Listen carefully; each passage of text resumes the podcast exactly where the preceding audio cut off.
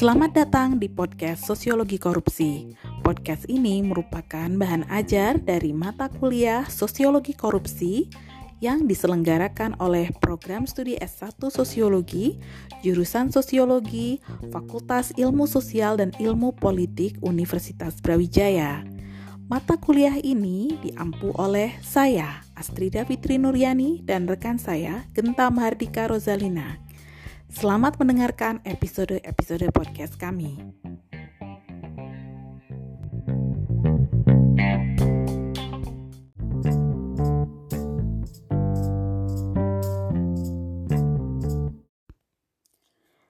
Pada episode pertama dari podcast ini, saya, Astrida Fitri Nuryani, akan membahas mengenai definisi dan tipologi korupsi.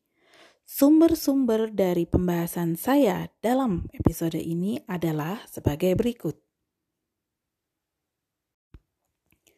Pertama, terjemahan dari tulisan Syed Husin Alatas yang diterbitkan pada tahun 1987 dengan judul Korupsi, Sifat, Sebab, dan Fungsi dan diterbitkan oleh penerbit LP3ES Jakarta. Dan yang kedua, adalah buku dari Harry B. Priyono yang diterbitkan pada tahun 2018 dengan judul Korupsi, Melacak Arti, Menyimak Implikasi, diterbitkan oleh penerbit Gramedia Pustaka Utama, Jakarta. Disclaimer, tidak ada nilai profit yang diambil dari podcast ini dan tidak ada maksud dari pembuat podcast ini untuk melanggar hak cipta. Semua yang disampaikan dalam podcast ini adalah untuk tujuan pembelajaran.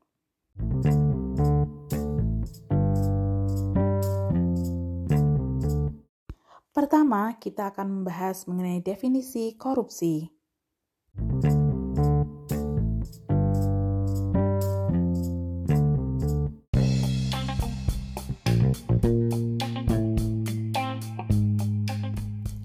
Dari pengalaman Syed Hussein Alatas dalam penelitian beliau yang panjang di berbagai wilayah di belahan dunia, beliau kemudian menemukan bahwa korupsi adalah sebuah fenomena yang terjadi di seluruh dunia. Misalnya, ketika pada tahun 1952, selama empat bulan beliau melakukan kunjungan ke Irak dan Iran, di sana pun beliau kemudian menemukan fenomena korupsi. Begitu juga pengamatan beliau mengenai apa yang terjadi di Jawa pada masa Perang Dunia Kedua di bawah pendudukan Jepang. Pada saat itu, beliau kemudian pertama kali berhadapan dengan korupsi di semua tingkatan masyarakat. Oleh sebab itu, kemudian beliau merumuskan bahwa korupsi sebenarnya pada intinya adalah terjadinya penyalahgunaan kepercayaan untuk kepentingan pribadi. Jadi, rumusan korupsi yang kemudian dikemukakan oleh Robert C. Brooks dalam bukunya Corruption in American Politics and Life adalah dengan sengaja melakukan kesalahan atau melalaikan tugas yang diketahui sebagai kewajiban atau tanpa hak menggunakan kekuasaan dengan tujuan memperoleh keuntungan yang sedikit banyak bersifat pribadi. Maka menurut Alatas apabila dianalisis lebih lanjut, Esensi dari korupsi adalah terjadinya pencurian melalui penipuan dalam situasi yang mengkhianati kepercayaan.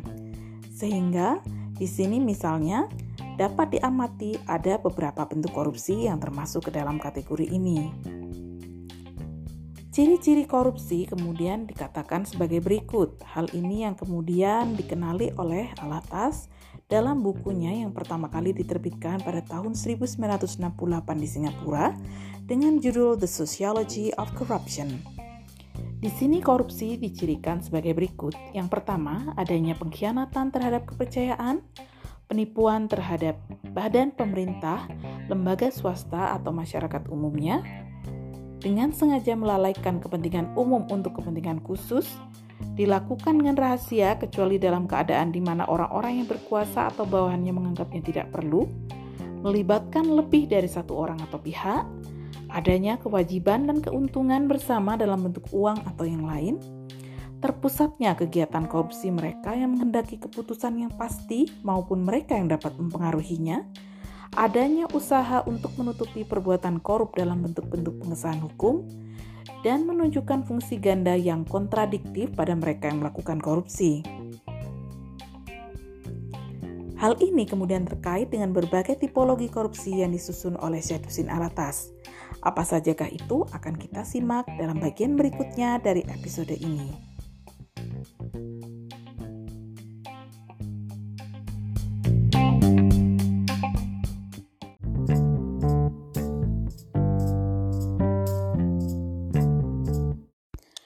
Di dalam buku Alatas ini terdapat tujuh tipologi korupsi. Apa sajakah itu? Mari kita simak seperti yang tadi telah saya ungkapkan pada bagian sebelumnya dari podcast ini.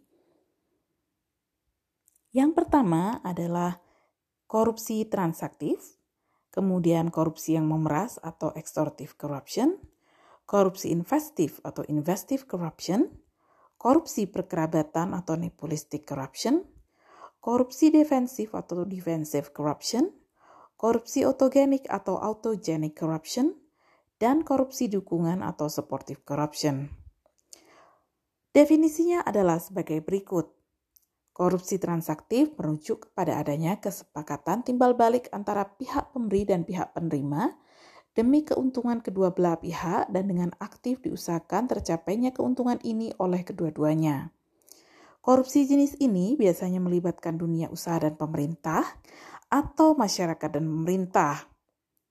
Sementara jenis korupsi yang bersifat ekstorsif atau memeras adalah jenis korupsi di mana pihak pemberi dipaksa untuk menyuap guna mencegah kerugian yang sedang mengancam dirinya, kepentingannya, atau orang-orang dan hal-hal yang berharga baginya. Korupsi defensif adalah perilaku korban korupsi dengan pemerasan Korupsinya adalah dalam rangka mempertahankan diri. Sedangkan korupsi investif adalah pemberian barang atau jasa tanpa ada pertalian langsung dengan keuntungan tertentu, selain keuntungan yang dibayangkan akan diperoleh pada masa yang akan datang.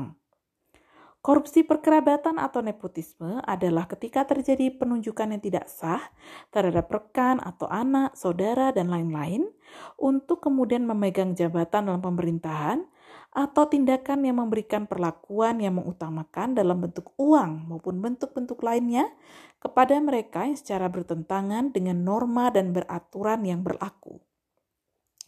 Korupsi autogenik tadi sudah disinggung di depan Sedangkan korupsi dukungan jenisnya adalah korupsi yang tidak secara langsung menyangkut uang atau imbalan langsung dalam bentuk lain.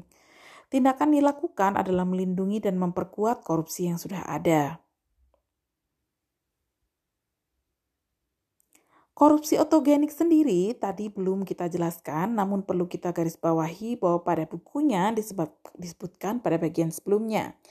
Di sini, korupsi otogenik adalah ketika korupsi dilakukan oleh seseorang seorang diri. Ini disebut dengan istilah auto corruption oleh Robert C. Brooks. Ini merupakan suatu bentuk korupsi yang tidak melibatkan orang lain dan pelakunya hanya seorang saja.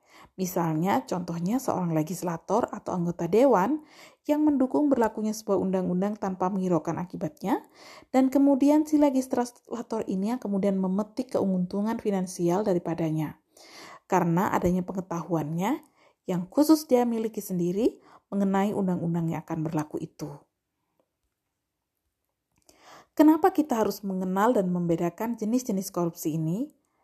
Sebab mengenal dan mengenali korupsi ini dan kemudian mengenali jenis-jenis dan perbedaannya akan memudahkan kita untuk terhindar dari kerancuan dan pemborosan waktu. Kerancuan dan pemborosan waktu dengan sendirinya merupakan penundaan terhadap penanggulangan korupsi, sehingga sangat penting untuk mengenali penyebab korupsi untuk kemudian dapat memberikan solusi demi memberantasnya di masa yang akan datang. Contoh-contoh dari kasus-kasus yang diambil oleh Alatas contohnya adalah Rusia pada abad 18 dan 19, di mana terjadi penyuapan para pejabat untuk melindungi kepentingan mereka, Kemudian ada pula kasus yang dibahas oleh Alatas mengenai pertemuan dari Mustafa Ibnu Abdullah atau Katib Khalabi yang merupakan seorang cendekiawan Turki yang menulis tentang adanya fenomena korupsi pada masa itu, yaitu bagaimana kemudian penyuapan terdiri atas pembagian tiga jenis terkait dengan boleh tidaknya penyuapan tersebut dilakukan menurut, moral. Yang pertama adalah penyuapan yang baik pihak pemberi maupun pihak penerimanya secara moral bersalah. Misalnya penyuapan terhadap seorang hakim agar mendapat vonis yang menguntungkan, penyuapan yang boleh diberikan tetapi tidak boleh diterima misalnya bersifat defensif. Contoh apabila seorang penguasa yang kejam menginginkan hak milik seseorang, maka tidak berdosa untuk kemudian diberikan kepada penguasa tersebut untuk menyelamatkan harta selebihnya. Sedangkan jenis yang ketiga dari penyuapan adalah penyuapan yang pihak pemberinya bersalah sedang pihak penerimanya tidak bersalah. Ini apabila terjadi korupsi investif yang kemudian direncanakan untuk memperoleh manfaat di masa yang akan datang, jika ini tidak diketahui oleh pihak penerimanya sebagai suatu rencana korupsi.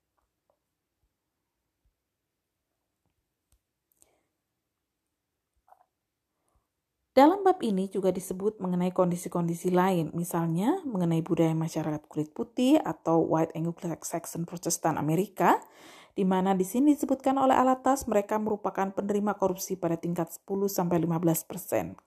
Sehingga ini merupakan masalah yang serius dalam politik Amerika Serikat pada masa di mana buku tersebut ditulis.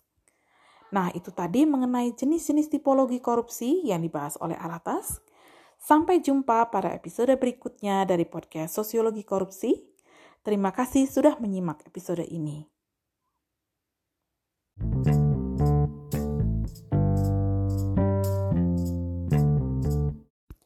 Demikian tadi episode pertama kami, dan seperti tadi sudah saya jelaskan bahwa ini merupakan penjelasan mengenai definisi dan tipologi korupsi menurut Syed Hussein Alatas. Namun demikian, dalam episode kali ini saya belum membicarakan mengenai definisi korupsi menurut Heri Priyono, sehingga itu akan menjadi bagian kedua atau episode kedua dari podcast Sosiologi Korupsi, Prodi S1 Sosiologi, jurusan Sosiologi, FISIP atau Fakultas Ilmu Sosial dan Ilmu Politik Universitas Brawijaya. Saya, Astrid Raffi Nuriani, akan undur dulu dan sampai jumpa dalam podcast mata kuliah yang diampu oleh saya dan rekan saya Genta Mardika Rosalina. Terima kasih.